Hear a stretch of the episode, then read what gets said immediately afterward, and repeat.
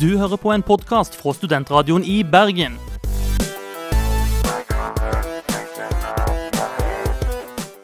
Denne og mange andre flotte podkaster finner du på podkast.srib.no.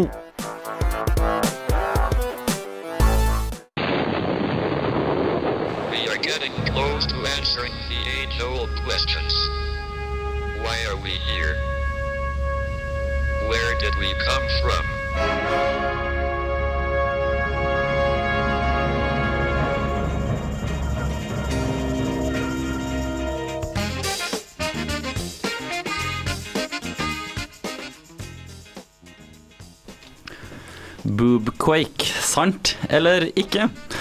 Eh, Det får du vite litt eh, senere her i Soft Science, det populærvitenskapelige programmet her på Studentradioen i Bergen. Ja, og vi har òg intervjua skaperen av Hjernevask, Ole Martin Ile.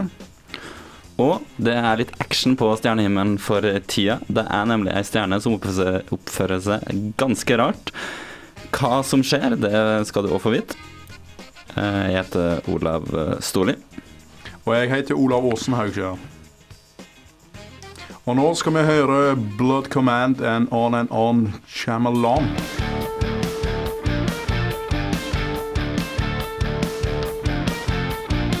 Blood Commander med On and On Chameleon.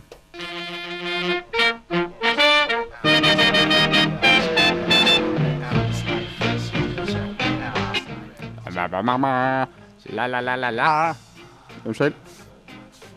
Soft science om vitenskap og sånn. Og hvis vi ikke vet hva vi snakker om, så sier vi i hvert fall unnskyld.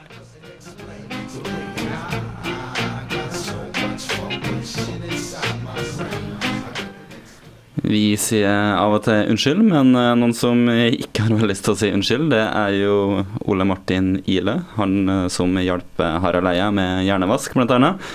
Han var jo her i Bergen eh, nå på debatt eh, i forrige uke, på torsdag. eh, Og han hadde jo en del å debattere med. Ja, og det var med, jeg og du, Olav. Og det var vel litt sånn delte meninger i etterkant av den debatten om hvor vellykka den var. Ja, vi var jo der, og vi har vel våre meninger. Det var jo en sosiolog med, en kjønnsforsker, og det er en biolog som skulle kanskje støtte han litt i synspunktene sine. Men eh, de snakker jo stort sett om totalt eh, forskjellige ting. Den ene snakker om biologiske mekanismer. Andre snakker om eh, ja, kjønnsforskning på sitt eget felt. Altså, det ble jo et stort sammensurium, egentlig. Fikk du noe ut av det, egentlig? Nei, altså de var jo uenige i det meste, også om hva de i hele tatt skulle diskutere. Og i tillegg til det så følte jeg at debatten ble litt ødelagt av manglende debattleding, og at de satsa for mye på spørsmålene for publikum. Ja, helt vellykka var det i hvert fall ikke. Men uh, vi tok jo en prat med Ole Martin Nille, for uh, debatten rundt eh, hjernevask og boka 'Født sånn eller blitt sånn', den har jo tatt uh, litt av. Og han mener jo at de absolutt forsvarer den rollen den har fått i debatten rundt norsk rundt norsk forskning, da.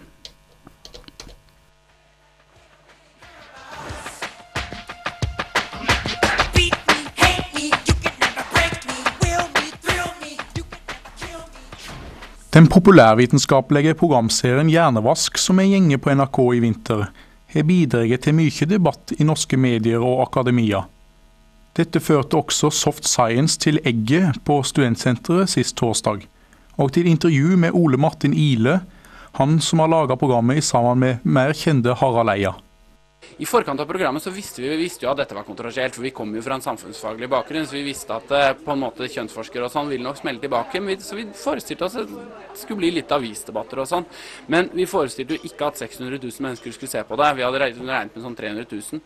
Og jeg husker dagen før, nei, samme dag som første programmet gikk, så ble vi intervjuet av en i Universitas, Universitetsavisa i Oslo, som var psykolog. Og han hadde sett programmet, og han sa liksom at herregud, dette, dere, i debatten i høst så fikk man jo inntrykk av at dette skulle være skikkelig kontroversielt, men dette er jo helt mainstream. Det er jo ingen som mener noe annet. Så da tenkte vi faen, nå, nå er dette for, vi har vært for milde.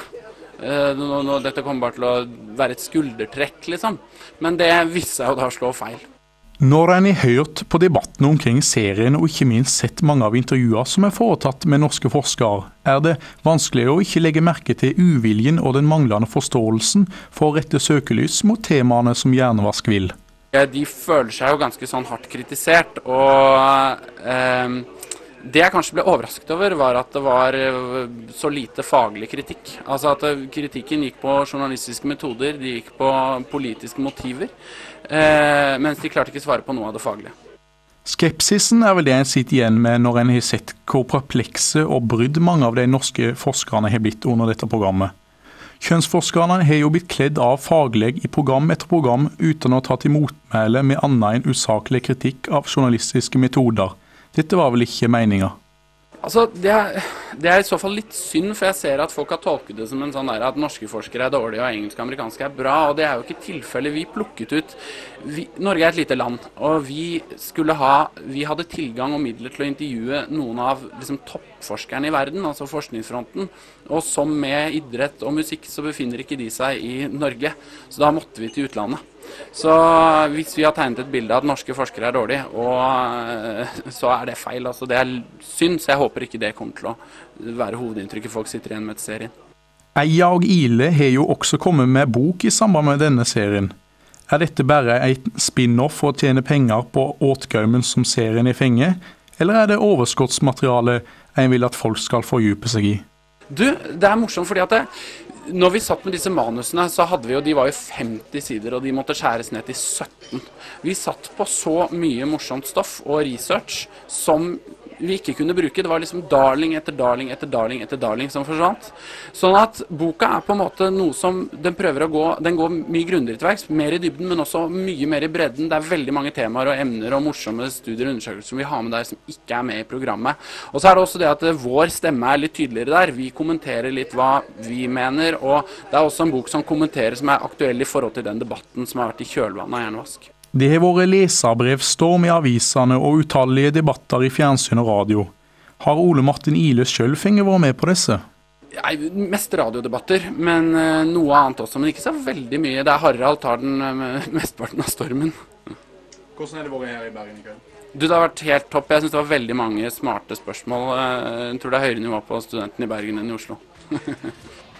Arv eller miljø? Ja, that is the fucking question. Ingen har vel greid å konkludere dette spørsmålet, men jeg kan vel trygt si at fokuset på arven har fengt en kraftig oppsving etter dette. I hvert fall blant folk flest, om ikke for forskerne.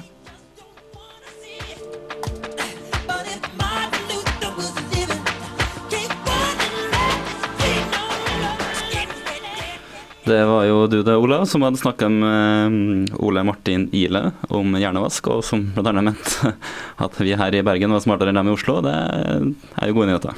Ja, det sier seg godt sjøl.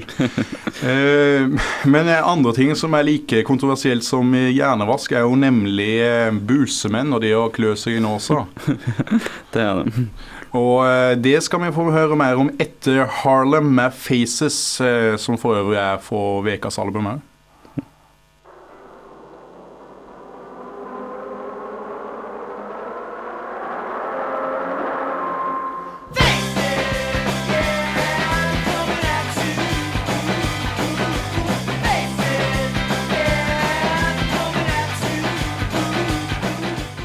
Harlem der som fikk litt uh, energi inn i formiddagskroppen din med Faces. Hode, skulder, knehe og tåhå.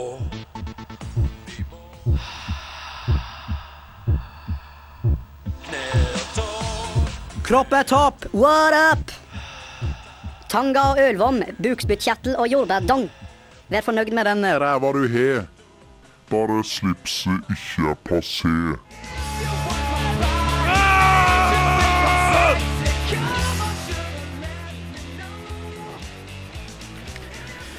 Kropp eh, er topp, og det har blitt en litt sånn semifast eh, greie vi tar for oss her i eh, Soft Science. Og i dag skal vi snakke om noe kanskje folk ikke synes er så topp, nemlig busemenn.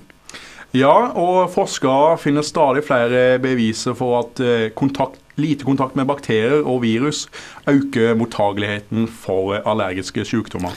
Det har jo nemlig sånn at eh, snøret vårt eh, det, er litt nyttig, for det er en del av immunforsvaret vårt. Det skal da fange opp støv, pollen, bakterier og virus, sånn at det ikke følger med lufta ned til lungene våre når vi puster inn.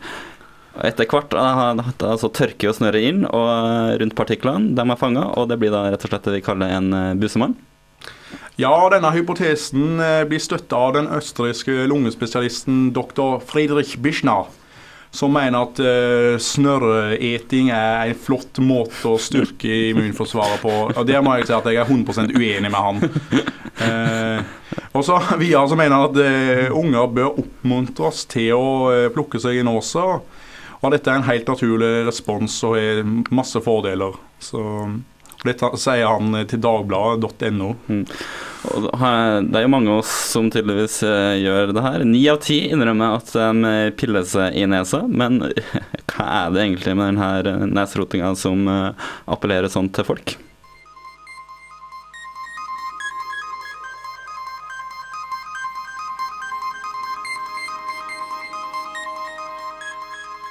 Du snakker antageligvis ikke om det. Du lar neppe andre se deg når det skjer. Og du ser nesten helt sikkert ikke på andre mens de gjør det.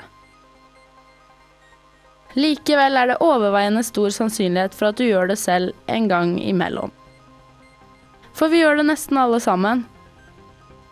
Piller oss i nesen. Eller renser de nasale luftveiene manuelt, som det heter på fagspråket. Og plukker man seg i nesen, blir man før eller siden konfrontert med produktet, nemlig buser, eller busemenn som det også kalles.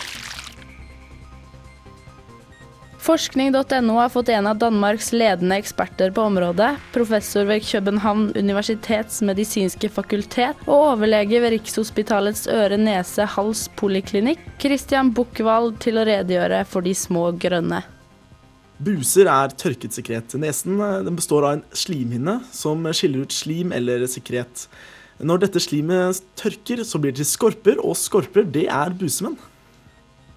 Buser er også inntørka slim, men hvorfor trenger egentlig nesen alt det slimet? Slimhinnen den bidrar til det såkalte mukociliære apparatet, som er et eh, slags renseanlegg i nesen. Det renseanlegget det virker ved at det dannes slim som fanger de partiklene som flyr rundt i luften, og inn gjennom nesen.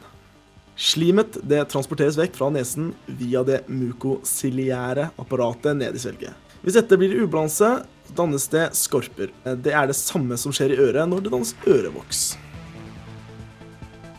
Så busemenn er et overskuddsprodukt som skyldes ubalanse i nesens renseanlegg. Og når dette overskuddsproduktet begynner å klø og irritere, er man altså nødt til å rense i renseanlegget. Og det foregår som kjent manuelt. Nesepilling kalles på medisinsk fagspråk for rinotileksis. En amerikansk undersøkelse om nesepilling fra 1995 definerte det som innføring av finger eller et annet objekt i nesen med intensjon om å fjerne inntørket nesesekret. Av de 1000 tilfeldig utvalgte voksne som ble spurt, svarte 254 på undersøkelsen. Av disse innrømmet 91% å være nesepillere, men bare 75% av disse trodde at alle gjorde det. To av de spurte hevdet å bruke mellom 15 til 30 minutter og 1 til 2 timer om dagen på å plukke seg i nesen. Nesepilling hevdes å medføre en rekke helsemessige risikoer, og derfor anbefaler noen leger at man bruker servietter i stedet. Risikoene kan inkludere neseinfeksjoner, i noen tilfeller neseblod, og i sjeldne tilfeller perforering av neseskilleveggen, såkalt selvforskyldt etmoidektomi. Nesepilling burde imidlertid ikke påvirke luktesansen, ettersom nesehulen, hvor de fleste luktenervene sitter, sitter for langt oppe til at man kan nå dem. I sin bok 'Astronaut' diskuterer den britiske matskribenten og TV-verten Stefan Gates fortæring av nesesekret. Her hevder han at 44% av de menneskene han har spurt, har spist sine egne busemenn etter at de er blitt voksne. Ettersom nesesekretets formål er å filtrere luftbårne urenheter, er det naturlig å vurdere helserisikoen ved dette. Gates hevder at kroppene våre er bygget til å fortære snørr, fordi nesesekret normalt svelges etter å bli snøftet ned i svelget via bihulene.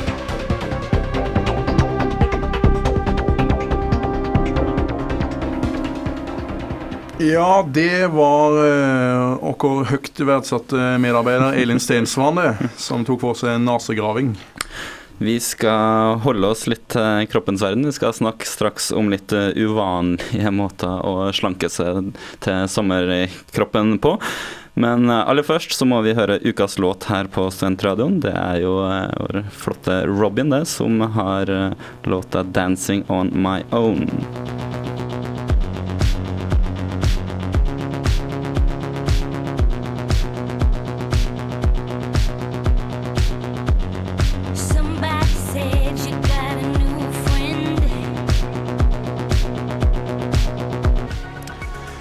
'Dancing On My Own' der, ja, med vår sjarmerende uh, svenske venninne med den lekre tannstillinga Robin.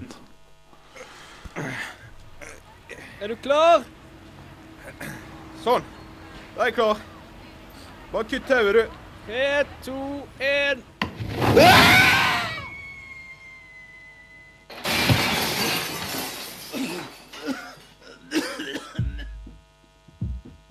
Studentradioen i Bergen flyr rett hjem til deg hver dag fra syv til to på dagen og repriser på kvelden.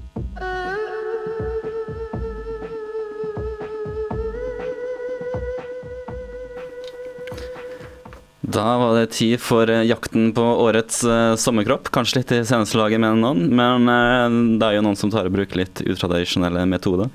Jeg vet ikke, du Olav, har du eh, Jeg føler liksom dette er et sånn tilbakevendende tema, eh, og eh, nei, fremdeles ikke eh, sett av noe særlig tid til det. Nei. Det er jo ikke så nyttig for det, her, det her, men det finnes jo litt andre metoder enn å spise mindre og trene mer som folk prøver ut. Blant annet det å drikke isvann. For det har jo seg jo sånn at hvis, når du drikker eh, kaldt vann, så må jo det varmes opp i kroppen, for du pisser det ut eh, lunka, eller svetter det ut. Og da tar det jo én kalori å reise ett gram vann én grad. Så det høres jo ganske mye ut hvis du da sier at ja, ja, hvis du da drikker 100 gram vann, og det skal opp til 37 grader, så blir det jo voldsomt mange kalorier her. Eh, men så er det jo sånn at opp- misoppfatninga er at vi snakker jo om kilokalorier egentlig når vi snakker om kalorier. Så hvis du skal bruke isvanndietten, altså drikke masse vann, så vil jeg si at hvis du drikker ett glass isvann, da, da forbrenner du eh, en sånn 8-9 gram kilokalorier. 8-9 kilokalorier. Altså ikke veldig mye. Du må drikke åtte glass med iskaldt vann om dagen for å miste 10 gram fett. Ja, eh, men jeg lurer jo litt på om ikke en kan bli eh, forkjøla og få influensa av dette her, da? Det virker jo ikke akkurat direkte smart å drikke eh, da 1,5, nei 2 liter iskaldt vann om dagen. Det kan jo ikke være ekstremt bra for kroppen, kroppen, regner jeg med. En annen metode er jo da å rett og slett spise is i stedet for. Eh, Hvis du har lyst til å miste én kilo eh, fett, så må du rett og slett spise 60 kilo is. Ja, det kan jo umulig lønne seg, da. det, Eh, det finnes vel enklere måte å miste det fettet på enn å spise is, ja, regner jeg med. Ja, vi vil vel uh, spy opp igjen all den isen, så jeg vet ikke om Nei, det anbefales ikke. Men det finnes jo andre metoder å, å bli kvitt de ekstra kiloene på. Du har bomulldietten, f.eks., som da består i å ta en klump med bomull, dyppe den i gelatin, og så putte den ned i magen. Eller spise den, rett og slett. Da skal det, det skal det fylle opp magen og forhindre at du blir veldig sulten. ja, Det kan jo umulig være sunt. Nei, det, du må jo ha litt næring i kroppen. Så den anbefaler vi nok heller ikke. Uh, og så er en siste utvei som kanskje noen uh, prøver seg på, det er bendelormdietten. Og frivillig stappe i seg da, noen bendelormer. Og dem får de jo faktisk kjøpt på internett, så det finnes jo tydeligvis et marked for det her. Ja, nei, men jeg trodde de kom inn gjennom uh, Ja, jeg det stammer vel egentlig fra Kina og eh, rismarkene, da? Ja, altså du kan, får det, kan jo få litt dårlig tilberedt mat uh, hvis de eh, er infisert. Men som sagt, hvis den er helt desperat, så kan den kjøpe seg en bendelorm eller ti på internett, og da sørge for at uh, en blir litt tynn og slank til sommeren. Altså Før en gjør det, så vil jeg jo eh, anbefale alle å gå i seg sjøl. Det, det er nok noen psykologiske ting en kanskje bør fikse på heller her, ja. Um, så en liten oppfordring til folk som kanskje da sliter litt med akkurat den sida av seg sjøl, det er å høre på De Lillos her og Ida Marie.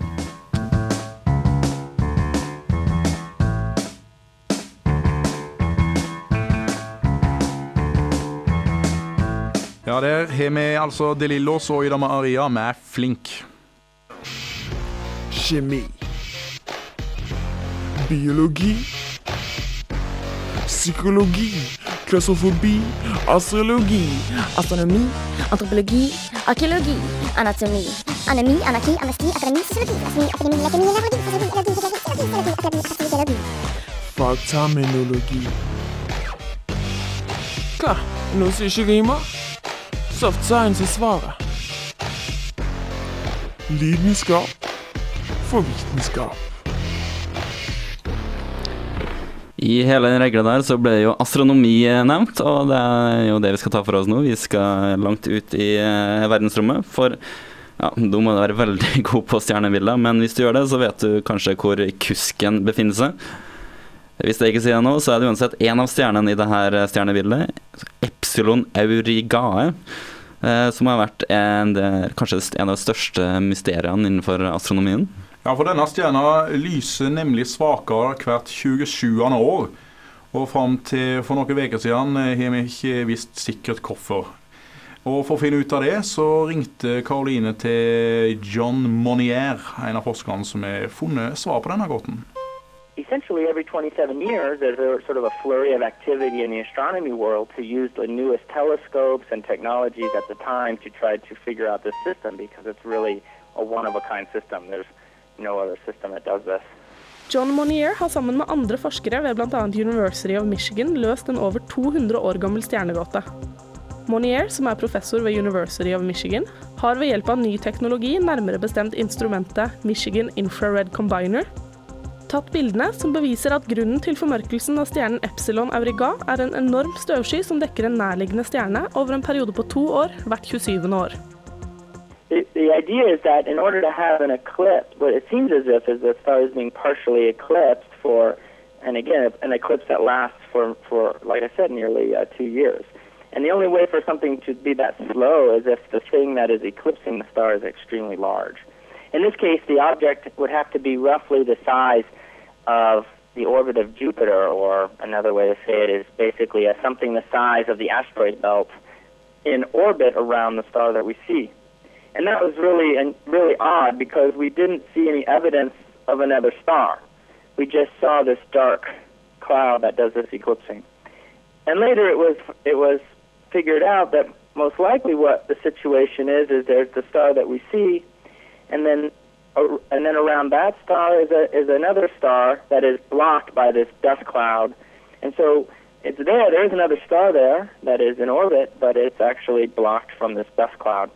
And so, over, again, uh, over the years, there's been a sort of gradual refinement of a, of a picture of having the main star that we see. Relatively far away from that is a second star with its own little asteroid belt around it, and and the whole so the whole thing are going around each other, and that once every 27 years, our angle that we have is just perfectly oriented so that that that little asteroid belt comes between us and the main star and causes this dimming that we see. And until this eclipse that just happened, we hadn't had a way to image this directly. And so the images that we came up with um, show, I think, quite dramatically this dark band moving across the surface of the star. And indeed confirms that there is this dark disk of dust that is blocking the star. Epsilon Auriga, som er en del av stjernebildet Kusken, ligger ca. 2000 lysår unna jorda, noe som, tro det eller ei, er ganske nærme i romsammenheng. Stjernen ligger til og med i vår galakse, Melkeveien. Man kan nemlig ikke se stjernene som ligger utenfor Melkeveien med det blotte øyet. Epsilon Auriga er omtrent 100 ganger større enn vår sol, Noe som vil si at den er så stor at den hadde slukt jorda. Personlig syns jeg dette er veldig spennende forskning. Men det er jo veldig mye å ta der ute i verdensrommet. Så hva var det som fikk Monier interessert i akkurat denne stjerna? Well, the seed for this particular object was planted, or project was planted, when I was visiting Princeton in 1999, so quite some time ago, and I was visiting the department and I was uh, talking to a, quite a famous astronomer named Bodin Paczynski, who has since passed away.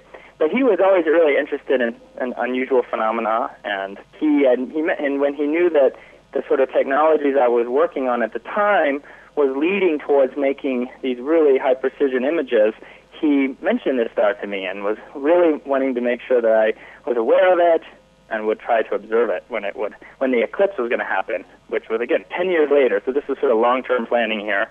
As my career progressed, it was always in the back of my mind, and as various projects came, um, you know, a sort of me and some other group, including some researchers at the University of Denver and Georgia State, we all got together to work on observing it a number of times this last fall. Solformørkelsen begynte forrige høst, omtrent samtidig som skogbrannene i California raste. Observatoriet astronomene brukte, lå bokstavelig talt midt i smørøyet.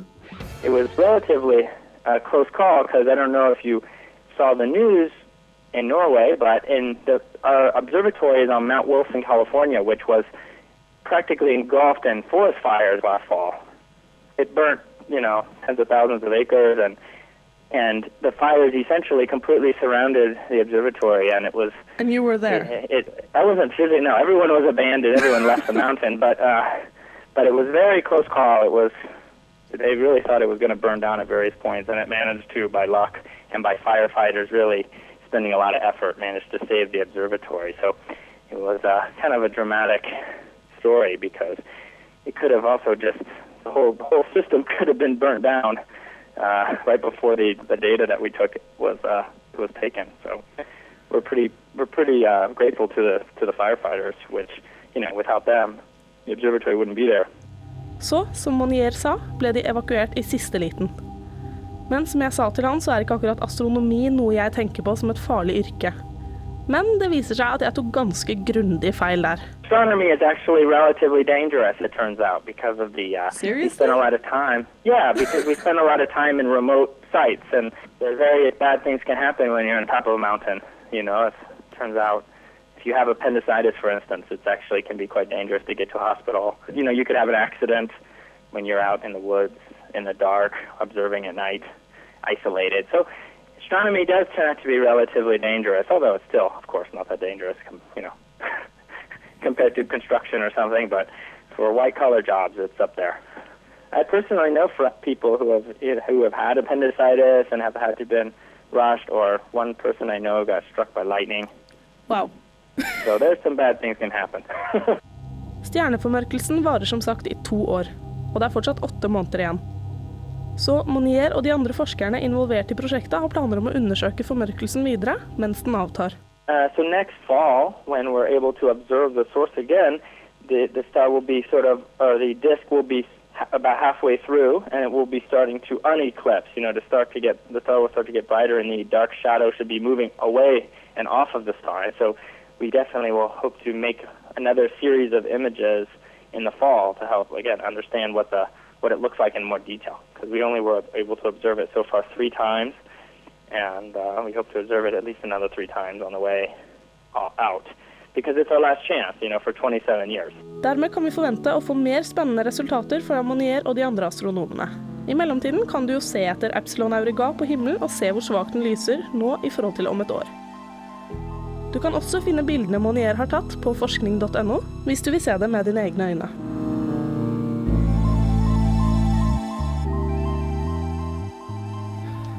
Det var vår Caroline Elgesem det, som hadde snakka med John eh, Monier om både mystiske ting ute i verdensrommet og farlighetene ved å jobbe som astronom. Ja, og nå skal vi høre Einar Stokka and The Happy Campers, og etterpå det så blir det nyheter.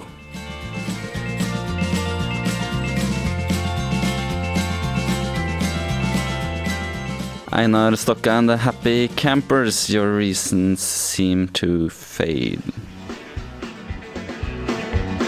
Oh, this just in, got hit by the flu. This just in, got hit by a hurricane. This just in, we're going to the moon with a full of signs that say Starbucks coming soon. Nyheter är det. Ja, og nyheter skal det bli òg. Og nå skal vi ha eh, de tre beste nyhetene fra sist uke. Nummer tre. Vi starter med noe som eh, kanskje folk har fått med seg. Den bruker i hvert fall å få med seg hva Stephen Hawking eh, har å si ganske ofte. Han mener nemlig at eh, det er usannsynlig stor sannsynlighet for at eh, romvesen faktisk eksisterer, men eh, at vi da kanskje ikke bør prøve å oppsøke kontakt med dem, fordi, som han sier, da kan de kanskje prøve å utnytte oss. Looking to conquer and colonize whatever planets they can reach. Som vi hører, så mener han i sin nye stemme at eh, romvesener kanskje kommer og koloniserer oss. eh, Fordi at teknologien de har, den er kanskje så avansert at de for oss fremstår sånn som våre romskip fremstår for steinaldermennesker, altså totalt uh, ubegripelig. Eh, Så da mener jeg at de kanskje da kommer enorme skip og da oppfører seg på en måte som europeerne gjorde da vi dro med Christopher Columbus og gikk i land på eh, Nord-Amerika. Eh, Og Sør-Amerika for så vidt for den del. Det gikk jo ikke veldig bra for de innfødte, gjorde det, Olav? Nei, det gjorde det slettest ikke. Men jeg syns disse teoriene høres litt sånn Hollywood-aktige ut. Det ah, kommer jo fram med en ny programserie han gjør for Discovery Channel, da, så det skal jo fremstå veldig sånn poppis, eh, regner jeg med. Um, og han spekulerer til meg i at de kanskje kan høste Bruke all energien til en hel stjerne, bruke sånn masse speil og få liksom all energien til en stjerne til å lage seg sånne ormehull, som da gjør at du kan reise på en måte på tvers i en snarvei gjennom hele universet, og på den måten liksom komme seg raskt frem til en ny planet som de da kan eh, høste seg av, på en måte som Independence Day, hvis du husker den. Der Ja, ja. kom jo den. Eh, så derfor eh, mener han kanskje at det var litt dumt at vi har sendt ut sånne sonder som viser hvor jorda befinner seg da i universet. Det, Ja, nei, det, det virker jo som dette er mye på tegnebrettet, da. Men- ja, det er stort sett bare teori. Men eh, nå over til noe som ikke er fullt så mye teori. Nummer to. Ja, det er ting som tyder på at det kommer komme nye måter å fiske på. Eh, nemlig at en eh, fisker fisken levende og sitter på den i et halvt år, og får så å eh, slakte den. For det er en som sier at eh, om en fanger 100 tonn villtorsk i april, eh, kan en eh, selge 200 tonn i desember. Eh, dersom en setter fisken i sånne merder eller merder eller sånt. Så det blir på en måte litt eh, fiskeoppdrett, bare litt med villfisk, eller noe sånt? Ja, eller det blir veldig leverandørsretta, kan du si. Altså, det vil jo eh, bli ja, Du kan eh, selge tors, fersk torsk hele året, og det blir, skal bli mye mer praktisk på denne måten. Det er iallfall det eh, Kjell Midleg i Nofima vi hadde til, altså et ressurssenter for eh, oh, nymotens fisking, kan du si. Ja, det kommer vel det, på en måte blir det her som, nesten som romvesen holdt på å si. Drive og utnytte ressursene som eh, vi klarer å kontrollere, rett og slett. Eh, Men det har skjedd enda mer interessante ting i eh, forskningens verden. Nummer én.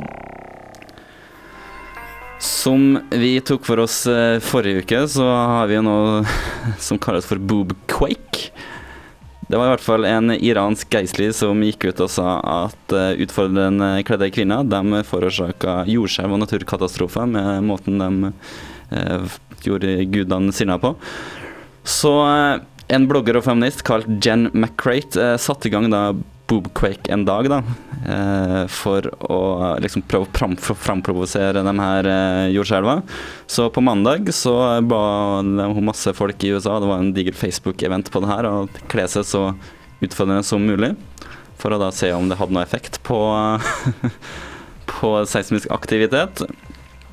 Eh, hva tror du, Olav? Altså, Jeg syns jo hun er ganske tett i lokket der, altså. For hun gjør jo akkurat det han vil. At han vil jo se eh, lettkledde damer. Det er jo så enkelt det er. det. jeg tror det har nesten avslørt han, ja. Men de gikk jo faktisk vitenskapelig til verks her, og de, de har målt på mandag hvor mye jordskjelvaktivitet det var.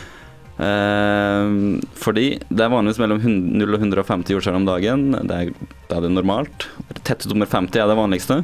Og på mandag var det 47 jordskjelv, så det virker jo helt eh, som det skal. Eh, men så var det noen som sa her Ja, det var et digert jordskjelv i eh, Taiwan eller noe sånt på 6,5 på Richters skala. Hva med det? Ja, men altså, det er, vel ting som tyder på at jeg ikke har gått lettkledde, da. Det- altså, det skjer eh, over 130 ganger i året at sånne jordskjelv inntreffer på jorda, så det er helt normalt. det jo. Så alt i alt så målte de samla jordskjelvaktivitet i styrke og mengde og alt mulig sånn. Og fant ut da at det faktisk var mindre jordskjelvaktivitet på boob eh, quake enn normalt. Så eh, da er vel eh, egentlig eh, løsningen her at eh, en eh, bør rett og slett gå, kle seg av for å få mindre jordskjelv. Ja. Det er det vi kan konkludere med her. Mhm. Eller vi kan konkludere sånn som eh, John Ossie, egentlig, for de eh, mener jo 'what's the point'?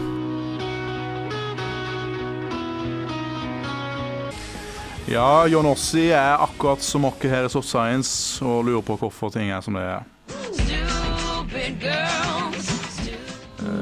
Hæ? Eh, kan du repetere? Mm. Hva? Mm. Hæ? Er du lei av å føle deg som en BI-student? Hør på Soft Science på Studentradioen i Bergen.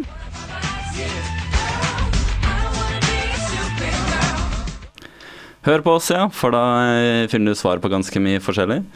Blant annet så eh, finner vi svar på en del spørsmål som eh, folk kanskje lurer på litt i hverdagen, i en, et fast hjørne her. Hvorfor det? Det vi tar for oss sånne ting. Og i dag skal vi jo litt til dyrenes verden. Ja, for eh, høns legger jo egg i forskjellige størrelser og med forskjellige farger, så mm, da lurer jeg jo på hvorfor det egentlig er slik. Hvorfor det? Hva er det? Hvorfor det? Hvorfor det? Hvorfor det? Hvorfor det? Kødder du, eller? Hvorfor det? Hvorfor det?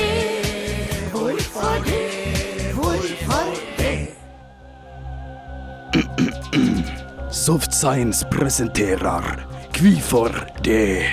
Kvifor det? Kvifor det? I dag Hvorfor har hønseegg forskjellig farge? Eggene vi kjøper i butikken eller hos bonden, finnes i tre forskjellige varianter.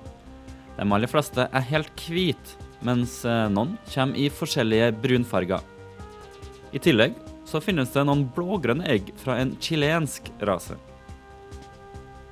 Inni er eggene helt like. Fargeforskjellen oppstår først når egget beveger seg fra eggstokken gjennom egglederen, og til slutt da plopper ut av høna. Pigmenter vil nemlig avleires på egget underveis, og da gi det farge. Det er genene til høna som bestemmer hva slags farge avleiringene får. En tror at alle egg opprinnelig var brun, men at mennesker avler frem høner som lar lysere og lysere egg. Fargen til høna har stort sett ingenting å si. Men eh, ofte så vil ei høne med hvite øreflipper legge hvite egg, mens ei med røde øreflipper da vil legge brunlige egg.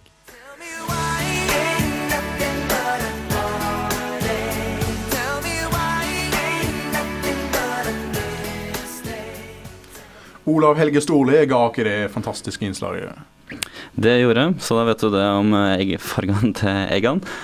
Eh, Jeg fikk også det siste ordet faktisk i sendinga her, så hurra for meg. Eh, Men vi er jo tilbake neste onsdag klokka ti, da med flere dykk i vitenskapens verden. I mellomtida så kan du jo besøke srib.no, der du får podkast fra oss og andre, og nyhetssaker fra de andre programmene på Studentradioen i Bergen. Ja, de som er bidratt til dette programmet, er jo Elin Stensvann og Karoline Elgsem. Og jeg som har sittet her i studio, og eh, produsent eh, Andreas Roaldsnes. Eh, nå må du ta med ditt eget navn, kanskje, Olav? Å ja, ja, ja, selvsagt. Eh, Olav heter jeg. Har du et etternavn òg? Vi har jo flere Olav her. Åsne. Haugskjær. Ja, jeg heter Olav Storli, så det var to Olav her i dag. Snart får du Venstreparty, der det er, så vidt jeg vet, ingen Olava som er med i dag. De tar for seg litt eh, kjønn og eh, i et eh, mer feministisk perspektiv. Før det så må vi egentlig høre på en som eh, kanskje ikke er fullt så feministisk. Det er nemlig Snoop Dogg med Kid Cudi, That Tree and Soundman eh, Mix.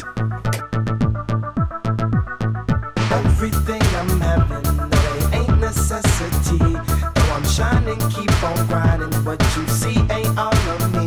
Though I keep them hoes, don't love them hoes. The code in which I roll, it's so simple what I need. You know I keep on.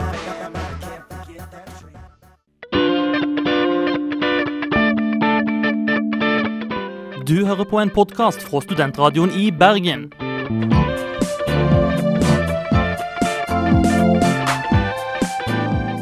Denne og mange andre flotte podkaster finner du på podkast.srib.no.